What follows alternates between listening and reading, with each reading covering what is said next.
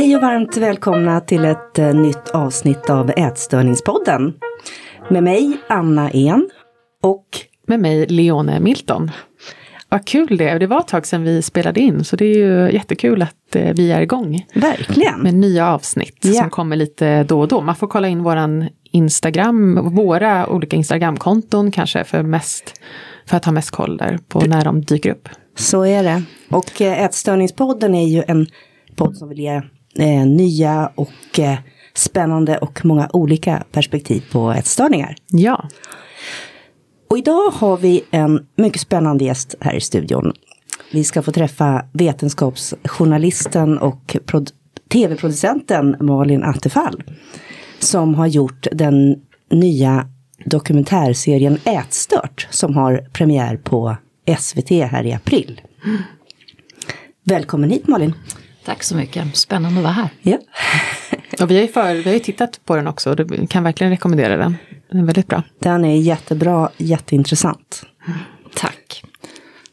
Berätta lite grann först, vem, vem är du? Jag har jobbat på SVT typ hela mitt liv. Um, mest kanske på Vetenskapens Värld. Uh, och det var när jag jobbade som redaktör på Vetenskapens Värld som jag först började fundera på om man borde göra en serie om ätstörningar. Och det är ganska länge sedan. Sen långt, sen gjorde jag två andra serier som jag kanske har varit mer kända. En hette Bästa dieten och en hette Bästa träningen. Och de gick nu 2018 och 2020. Så jag har jobbat mycket med hälsa och medicin kan man säga på SVT. Mm. Och hur fick du idén då till att eh, göra, om, göra en serie om ätstörningar? Ja men det var så Dels, det är egentligen två olika svar på det.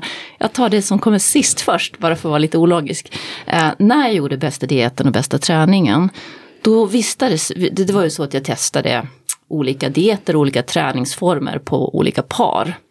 Eh, och för att visa att man kunde förlänga livet och få en bättre hälsa om man åt på ett rimligt sätt. Inte banta då utan man skulle tänka igenom vad man åt och äta hälsosamt och sådär.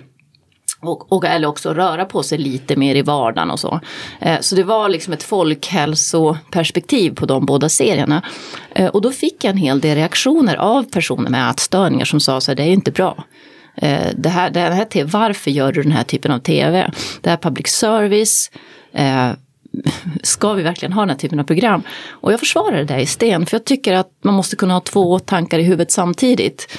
Det, syftet med serierna var ju inte att svälta folk utan att helt enkelt göra människor mer medvetna om de här frågorna. Så att jag tycker fortfarande att det var två bra serier.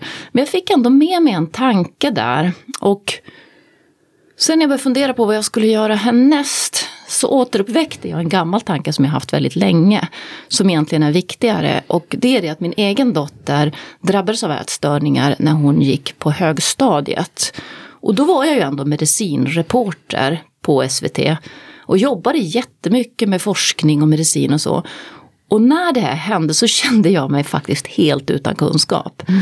Jag tyckte att liksom, tillvaron var helt obegriplig för mig. Jag kunde inte förstå henne, jag förstod inte vad som hände, jag förstod inte behandlingen. Och så tyckte jag det var en väldigt otäck tillvaro att liksom vistas i överhuvudtaget.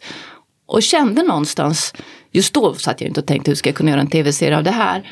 Men när vi började liksom komma ut lite mer så tänkte jag att den här upplevelsen tror jag många människor har. Eh, att, att man inte kan så mycket om ätstörningar. Någon borde göra en tv-serie om det här. Mm. Eh, då låg det så himla nära och jag kände mig inte heller nog kunnig för att våga ge mig på ett så svårt ämne. Men så har det gått några år och nu vågar jag helt enkelt. Ja, hur, din dotter, hur, eh, hur mår hon idag och hur reagerade hon på din serie? Ja, men det har varit fint. Hon mår, hon mår bra idag, hon är frisk. Ehm, det är ju så med ätstörningar att det går ju både upp och ner. Ehm, men det har ju gått några år och nu har hon sitt eget liv. Ehm, men hon har varit superstöttande och verkligen, jag har visat delar för henne hela tiden och hon har sagt det här, eh, haft åsikter och hon är jättestolt nu. Uh, jag tror att hon också känner att hon har kunnat göra skillnad. Mm. Att hennes upplevelse har gjort skillnad kanske. Mm. Ja, det är ju jättefint, verkligen. Mm. Så. Men berätta då, hur, hur är serien upplagd? Det som jag gjorde, jag ville att jag ville inte ha den här schablonbilden av ätstörning. Jag ville inte att de skulle vara så himla magra. Och jag ville inte att det skulle vara, det låter konstigt att säga, men jag ville att det skulle vara en feel serie eh, om ätstörningar. Så att folk skulle våga titta på de här svåra sakerna och känna med de här personerna. Snarare än, än att det skulle vara en informationsserie. Så att jag ville inte befinna mig i behandlingsrummet och jag ville inte vara på sjukhus och jag ville inte vara liksom på matningsnivå utan jag ville ha personer som var på andra sidan ätstörningen eller på väg ut och som kunde reflektera över sin resa. Eh, och så ville jag ha personer som var över 18 och som hade varit friska ett tag. Det var liksom vägen in. Sen blev det ju inte riktigt så. Ätstörningar är ju mer rörliga än jag hade riktigt förutspått.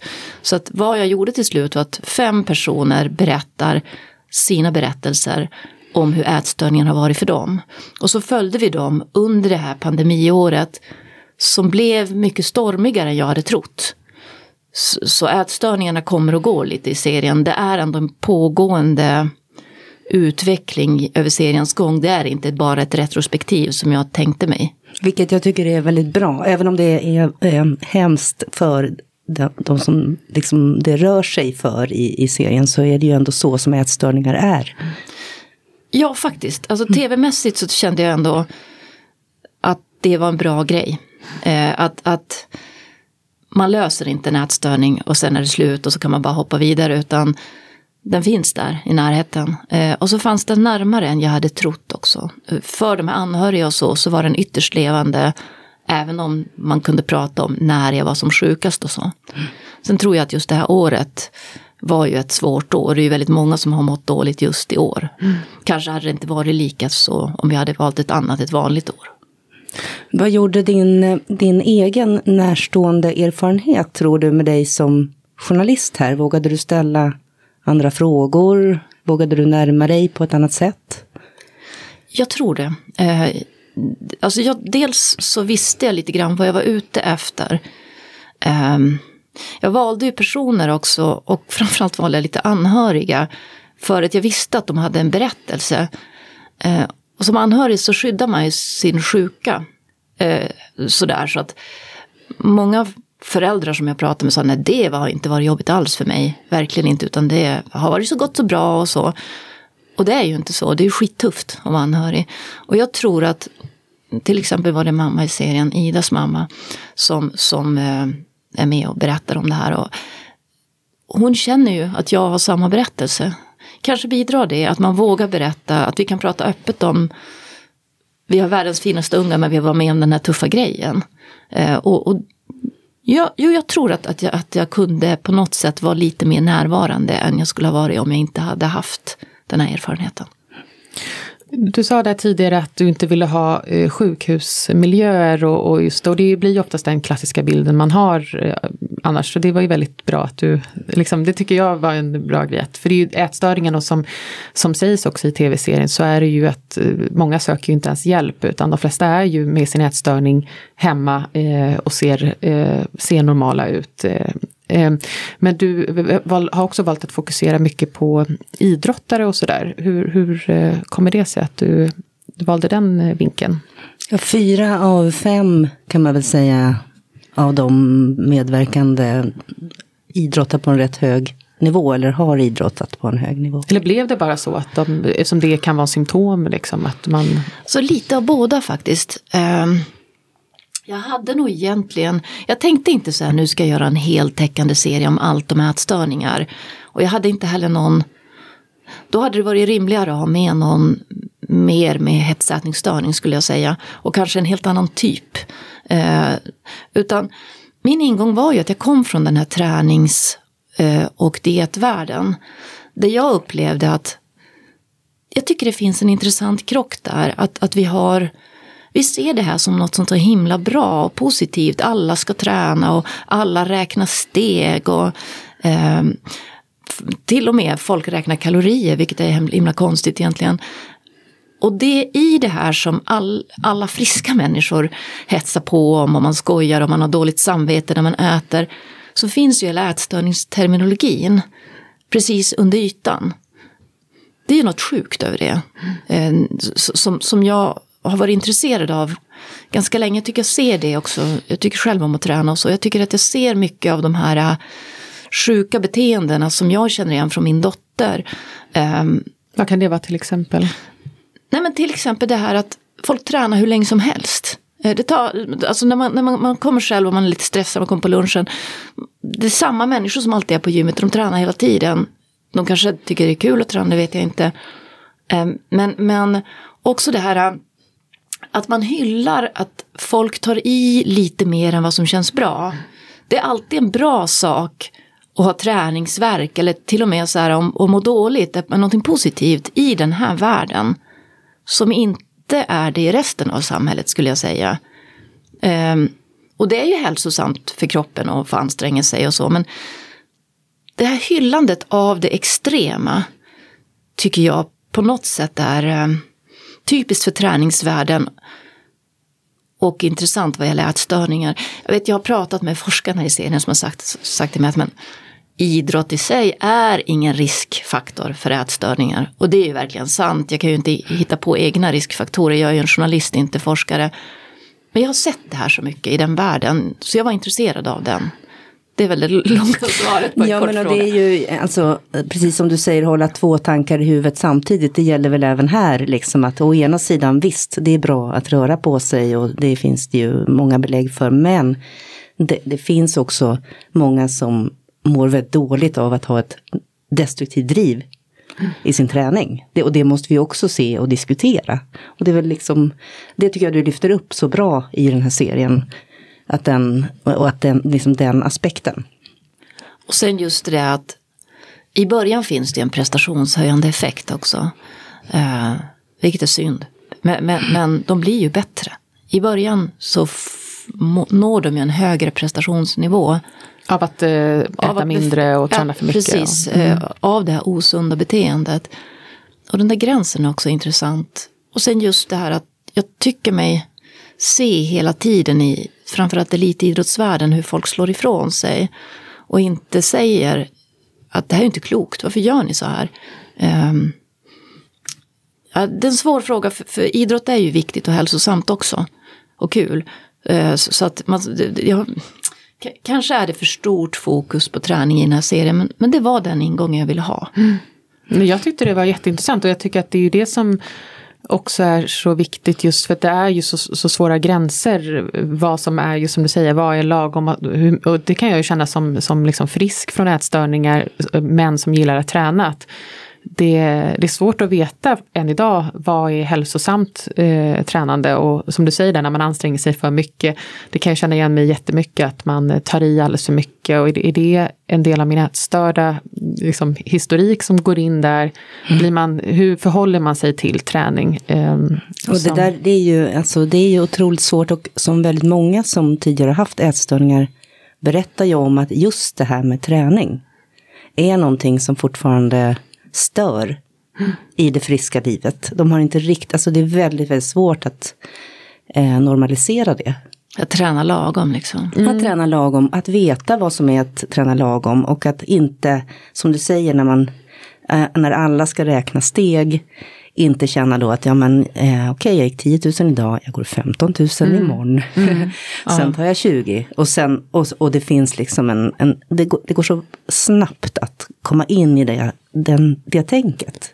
Men, men hur gör du för att hålla ordning på så det inte blir för mycket träning då? Liksom, om du nu känner att du vill träna ändå. Ja men precis. Eh, jag, jag tror att det viktiga för mig är att det inte blir eh, att träningen blir, eh, att det inte blir ett tvång. Liksom. Till exempel då att jag i, imorgon inte kan träna Eh, så är inte det något, skulle det vara så att ett pass ställs in eller att då är inte det någonting som framkallar ångest för mig utan träningen är någonting som är väldigt, eh, något, en bonus i, i mitt liv och skulle inte den bli av så, så är det ingenting jag stressar över. Och jag behöver också koppla till mat att eh, det, det, är liksom två olika saker, det är inte så att jag tänker att okej, tränar jag nu så kan jag äta extra.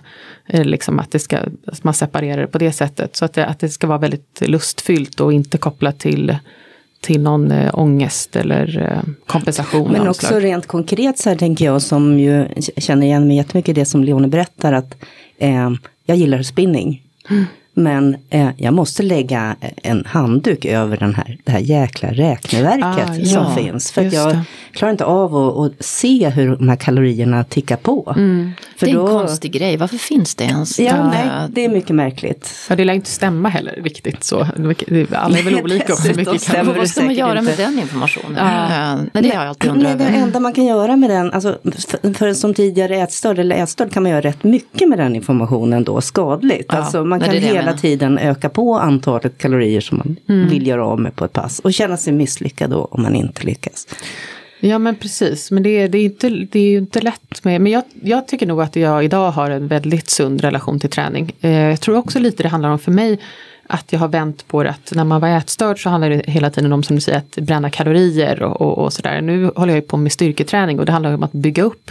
Och då finns det ingen fokus längre på hur mycket jag väger utan det handlar om hur mycket vikt jag lyfter på på stången och så vidare. Så att det är snarare att det, vikten ska öka och att jag tycker det är kul att jag har blivit, har fått större, större armar och med muskler och sådär. Så att det är liksom, man har skiftat fokus från det ätstörda. Eh, så det, det har jag, men, eh, ja, men det är jätte, jätteknepig eh, sak. Men, Ja, för jag tänker, vi, vi är ju motionärer, men många, flera av dem i serien då, de är ju verkligen, de tävlar ju. Det är ju liksom mera skarpt läge för dem. Om man tänker liksom Anthony som boxas och, och ska passa in i en viss vikt och så vidare. Där är det ju, eh, de har ju liksom inte riktigt möjlighet att som vi lite grann känna av och Nej. tänka. Att, de måste ju mäta och hålla på. Mm. Och så är det ju liksom att ätstörningen fyller ju nästan en funktion för dem. Eh, i, som i Antonis fall så, eller i boxningsvärldens fall så ska de ju upp och ner i vikt på det där sättet. Jag försökte fråga så här, varför måste ni göra det? Kan ni inte bara liksom boxas i en annan klass då i så fall? Nej men då får man ju för fel typ av motståndare och så. Och så vill man ligga på olika vikter när man tränar än när man tävlar och så. Så det finns liksom ett helt, i sporten ligger det här äh, pendlandet i vikt. Som ju känns som en jätteriskfaktor. Även om inte idrotten är en riskfaktor så hålla på att gå upp och gå ner på det där sättet. Du ska ha ett starkt psyke om du ska klara det. Ehm, med, med, eftersom det är så himla viktigt att hålla de där exakta grammen. Jag sa inte han Antoni till och med att, eh, att eh, håller du på med en sån här sport så är, så har, så, så är det, är det svårt att inte ha en eh, störd relation till kropp och vikt och så vidare. Jag uppfattar att det är så, alltså även andra mm, kampsporter som jag pratar med och sådär. Men sen finns det nivåer, jag skulle ju inte säga att Antonis berättelse är ju inte unik på något sätt. Men det är ju ändå speciellt, det är inte så att alla boxare har som sin metod att kräkas på det där sättet. Det, det är ju inte någon, det är inte så att det självklart hör ihop med träningen. Men, men även, jag menar även för de här, har, har du en, en eh, ätstörning så att du går ner väldigt mycket i vikt och är en hockeyspelare, då har du ju ingen effekt av det heller. Det är ju liksom bara dåligt för dig. Um, men du måste ju ändå träna mycket och hålla dig i god form. Så där har du där blir det ju mer en dubbelhet. För oss andra är det ju aldrig bra att anstränga oss på ett sätt som vi mår dåligt av. Medan i den här världen så kan det faktiskt fylla en funktion. Så det gör det förstås ännu svårare. Det är väl antagligen därför det är så mycket vanligare bland elitidrottare än bland andra. Eller det är ju den bedömningen som de gör. Ja, men det finns det väl eh, forskning på att det är, ätstörningar är vanligare inom elitidrotten. Det finns ganska mycket norsk forskning om, om just elitidrott och, och ätstörningar. Ja, som säger det, men jag, jag tycker siffrorna kring ätstörningar är ju så himla svåra. Absolut. Jag har verkligen försökt undvika så här, hur många drabbas och så. För jag tycker att det svävar omkring så mycket. Just i och med att det är så stort mörkertal.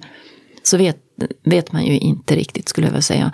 Mm, men just inom elitidrottare då, då har de ju bland annat tittat på de här riksgymnasierna med eh, idrottare. Och, och frågat helt enkelt folk och gjort sådana här skattningar. Och där är det ju vanligare än på andra gymnasier. Så att ja, då tror jag att idrottsvärlden spelar sin roll här. Även om det inte är en formell riskfaktor. Fick du någon inblick i hur, eh, hur till exempel, eh, alltså de här som idrottade, vad, vad, vad fick man för stöd av eh, liksom förbundet och trä, alltså liksom den idrottsvärlden? Var det här liksom något som man, eh, fanns det liksom stöttning och, och rutiner för det här? Eller är det någonting som, kände han att han hade liksom rutiner eller någonstans att gå till och få bra hjälp och, och sådär? Nej, det upplever jag inte att någon av mina medverkande har haft överhuvudtaget. Eh, det var fint tyckte jag. ska inte spoila serien, men i avsnitt tre händer en, en eh, grej som är bra, tycker jag. Eh, där idrottsrörelsen tar ansvar. Men då ska man ju veta att det här är personer som har haft de här problemen inte ett år eller två, utan ofta åtta, tio år. Och då kan man ju fråga sig varför ingen tog det beslutet tidigare. Det här måste ju ha synts. Mm, så, men, men det är ju också svårt, det är lätt att sitta på läktaren efteråt och recensera hur folk borde ha gjort. Det är, finns ju jättemycket okunskap kring ätstörningar. Men nej, jag tycker inte att det här är något som idrottsvärlden tar på allvar mm. överhuvudtaget.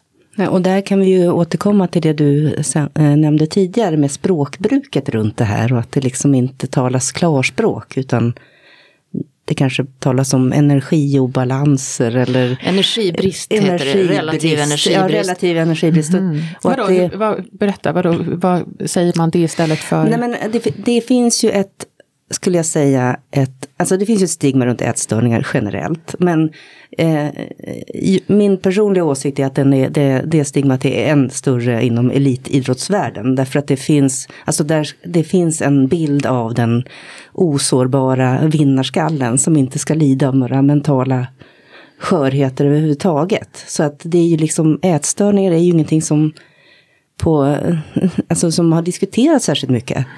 Och, och fortfarande finns det ju en, alltså det lider ju, det diskuteras ju för lite fortfarande. Mm. Intressant, jag, jag, tror också det. Mm. Just den där bilden av att man är en stark vinnare som tar sig ur allting och sådär. Mm. Och, som, det, och det där börjar narrativ. ju lite grann krackelera. Jag menar under OS så var det ett antal eh, utövare som berättade om att de mådde dåligt. Som ja. fortfarande var aktiva. Annars så är det liksom personer Inom vilka sporter som... då? Jag kollar ju så lite på OS och, och VM och allt. Ja, det var väl just gymnastik till exempel. Ah. Simone Biles gick ah. ut och, mm. och, och, deltog ju inte ens fast hon var guldfavorit. För att hon inte mådde psykiskt bra. Mm. Just det. För, det tror jag, jag var jättebra. Super, alltså ah. Jag tycker de är så modiga, så äh, starka som, som vågar berätta. För att de gör verkligen en välgärning för så många. Mm. För det här är ju personer som vi ser upp till. De är ju våra hjältar. Mm. Så. så att vad de gör, det spelar roll. Ja men lite går det att jämföra med liksom, modeller. Att de har ju också just det här med att man har börjat begränsa liksom, hur lågt BMI man får ha. Att det finns regler för det numera. Att man, eh, för att Eh, även om, om det är ouppnåeligt för många så är det ändå det vi ser som ett ideal. Och samma sak blir det kanske med idrottare, att vi tror ju aldrig att vi ska idrotta på den nivån, men det blir ändå ett ideal att, eh, att kämpa efter på något sätt. Mm. Mm. Sen är det faktiskt klurigt med BMI just vad gäller idrottare som, som stör mig. Det är ju det att de har ju sina stora muskler. Så att även när de är väldigt deffade och tunna så är de ändå tunga. Mm. Så att de faller ju. De, BMI-gränser funkar skitdåligt just vad gäller eh, idrott. Eh, idrottare just för att de inte ligger under eh, ätstörnings, de allvarliga gränserna ofta, utan de kan faktiskt ha en hyfsad vikt. Oavsett att, trots att de är väldigt tunna. Så BMI är liksom en sån farlig mätmetod när man ska hitta, det är det ju överhuvudtaget vad gäller ätstörningar, det har ni säkert pratat mycket om hur lågt BMI man har är inte det som avgör hur dåligt man mår. Nej. Eh, men just för idrottare så, så blir det faktiskt en luring. Eftersom de ofta inte, det märks inte där eftersom de har sina stora muskler. Som de har tränat så hårt för att få. Mm.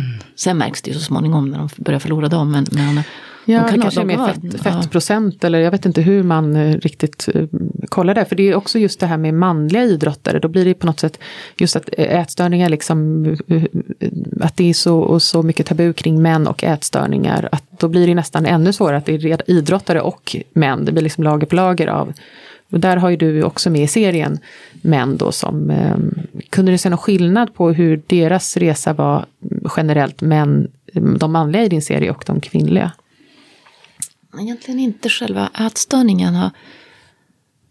Ätstörningar är sig, tycker jag, jag träffar så himla många människor med ätstörningar nu när, när jag, dels de här fem som vi har fått följa så här nära, men när vi skulle göra serien träffade vi ju jättemånga för att hitta rätt personer och sådär. Eh, och jag brukar tänka på det ofta, att det är så lika. Det, det är så lika ångest. Eh, ätstörningen kan se lite olika ut och livet runt ser lite olika ut. Men det är så himla tydligt lika. Eh, Själva sjukdomen? Ja, det är lika själva, tankar, mm. det är lika ångest, det är lika...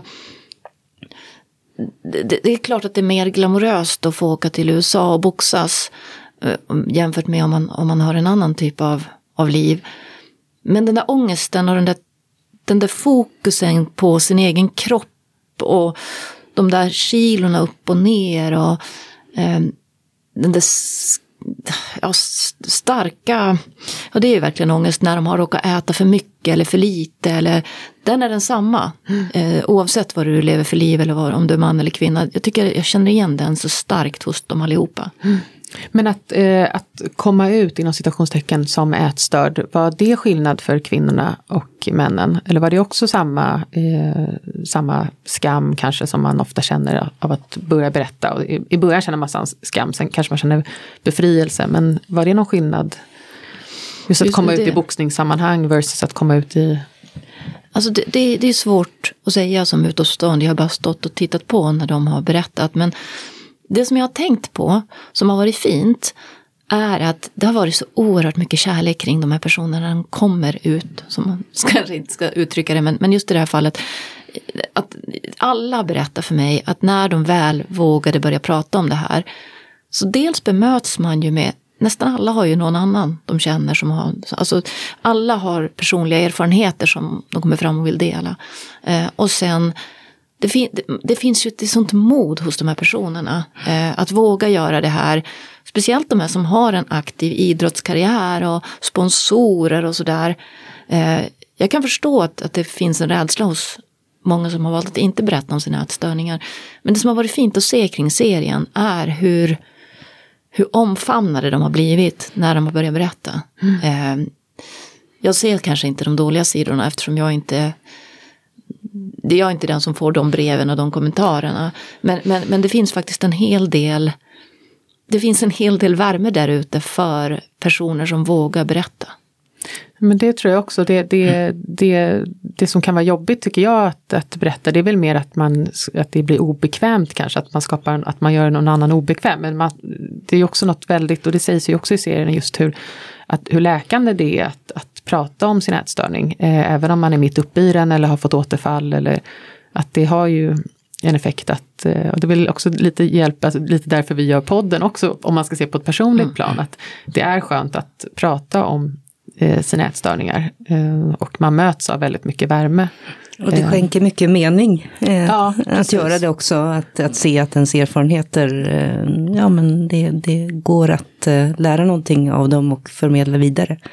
Så. Jag tänker... Ja, det tror jag. Eh, det tror jag faktiskt. Eh, både för personer som har ätstörningar men även oss, för, för oss runt omkring. Både närmast runt omkring och hela samhället. Att det är inte så dumt att prata om saker. Sen kanske jag kan förstå att det är inte roligt att vara personen med ätstörning bara. Mm. Att man blir nästan mer känd för sin ätstörning än för något annat. Eh, men det är ju lite en annan berättelse kanske. Mm. Du träffar ju också en lång rad intressanta forskare i serien. Um, har du lust att berätta lite om det? Och uh, till exempel den här uh, genetiska studien som... Alltså det, det som jag gjorde när jag skulle göra den här serien. Uh, jag visste ju att det var svårt.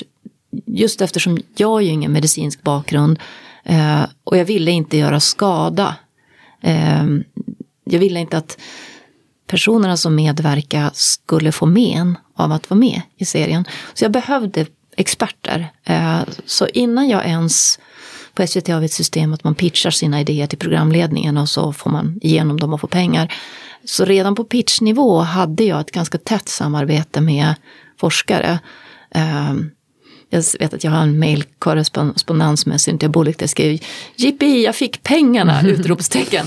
Eh, så, så tidigt var de med eh, för att jag diskuterade med dem hur berättar vi det här på ett sätt som är public service så att du faktiskt lär dig det som är forskning och beprövad erfarenhet. Det finns ju ganska många olika tankar kring ätstörningar som kanske inte kommer från vetenskapligt håll. Och för mig som public service-medarbetare så var det viktigt att ha riktig forskning, riktiga experter som jobbar enligt en vetenskaplig metod. Eh, så jag tog med dem väldigt tidigt eh, och diskuterade hur gör vi, vad för typ av personer ska vi ha med, vilken forskning är aktuell att diskutera och så. Eh, och det har jag haft en oerhörd nytta av. Och sen ju mer vi filmade och ju mer jag insåg att den här resan var pågående, desto mer involverad har de faktiskt även varit i mina etiska bedömningar. Så jag har haft psykologer och forskare som har tittat på varje enskild berättelse för att försöka hjälpa mig att bedöma om det skadar eller hjälper. Ehm, och om, om jag kan göra, vad jag kan berätta och vad jag inte kan berätta. Och som jag har lyssnat väldigt mycket på eftersom jag tycker att jag har ju min personliga erfarenhet och jag jobbar länge som vetenskapsjournalist. Men det här är komplexa frågor och jag tycker att jag behöver hjälp här och då har jag fått det. Um, så att jag känner ändå att det som kommer i tv det är någonting som vi kan stå för från SVT. Men också att det är spännande tycker jag med forskningen som görs. Alltså för det, som du säger, det är ju väldigt komplext. Man tror att ätstörning är väldigt enkelt och att det inte finns så mycket att säga om det. Men det tycker jag att ju mer vi jobbar med det, ju mer ser man att det går ju verkligen att göra hur mycket som helst på det. Och att det finns väldigt intressant forskning som görs här i Sverige. Och att det saknas mycket forskning saknas och kunskap forskning. fortfarande. Ja. Men att det liksom är väldigt, som du sa med Cynthia Biolik där, att hon gör ju massa intressant forskning på KI om genetik och, och tarmflora och allt vad det är liksom. Det, det, det som är lyxigt, det måste ju vara samma för er, att när man lever så nära en ätstörning som jag gjort, då har man liksom en miljon frågor som man undrar över. Mm. Är det mitt fel? Kommer det från mina gener? Vad har jag gjort? Varför gör hon så? Allt det här har jag ju liksom haft en väldig lyx att kunna bara ringa till någon och fråga. Mm. Men vad är det här? Och kan man bli frisk? Och vad, och vad är det för skillnad på det och det? Det är en nåd tycker jag, mm. att få göra att få möjlighet att ha den här direktkontakten med världens främsta ätstörningsforskare och faktiskt få riktiga mm. svar på den här typen av frågor. Och jag tänker att jag kan förmedla det lite grann i den här serien. Mm. Det är ju framförallt fem personers berättelse men jag har försökt att några av de här frågorna som jag själv hade också ska få någon typ av svar. Mm. Nej, det är, jätte, det är jättefint. Och vad, vad tar du själv liksom under den här långa processen? Det här, det här, du har jobbat med den här serien under ett år? Eh, mer, ja. Mer. Eh, jag började kasta förra, ja det är nästan två år. Nästan två år. Alltså den går ju ut, nu sänds den ju i april och jag började jobba med den typ, ja det är nästan två år. Sen har jag haft den i huvudet ännu längre förstås. Mm. Och hela pitchprocessen och läsa in sig på ämnet och så. Jo, den har levt med mig länge. Mm. Och vad tar du själv med dig? Går det, det förstår jag är väldigt mycket men Alltså, det, den grejen som, som, alla har ju olika missuppfattningar om ätstörningar och sådär. Den som jag hade som var mest felaktig och som jag är glad över att den var felaktig. Var att jag, jag trodde eh, från början att ätstörningar kan man inte bli frisk ifrån. Eh, det, jag, av någon anledning så hade jag den bilden. Att har du väl fått en ätstörning, då är den där. Eh, och, och det tycker jag var väldigt hoppfullt. Att följa dels de här personernas väg ut. Men också forskningen kring det där att det går ju oftast bra. Eh, det tar lång tid och det är en tuff resa. Och många runt omkring dras in och, och får det svårt. Men, men det är en mycket ljusare berättelse än vad jag visste från början. Det, det har, varit, det har varit fint, tycker jag. Mm. mm. Jättefint. Men eh, tack så hemskt mycket Malin Attefall för att du ville vara med här i Ätstörningspodden. Och Eh, ja, vi rekommenderar ju varmt den här serien som eh, Ätstört. Ätstört som mm. har premiär nu i april. Då. Och berätta, var kan man hitta den? Den finns på SVT Play från och med söndag den 3 april, första avsnittet. Så kommer ett nytt avsnitt varje söndag. Och så kan man titta i TV-TV på torsdagar klockan åtta i SVT1. Jättebra, tack så hemskt mycket. Tack. Tack.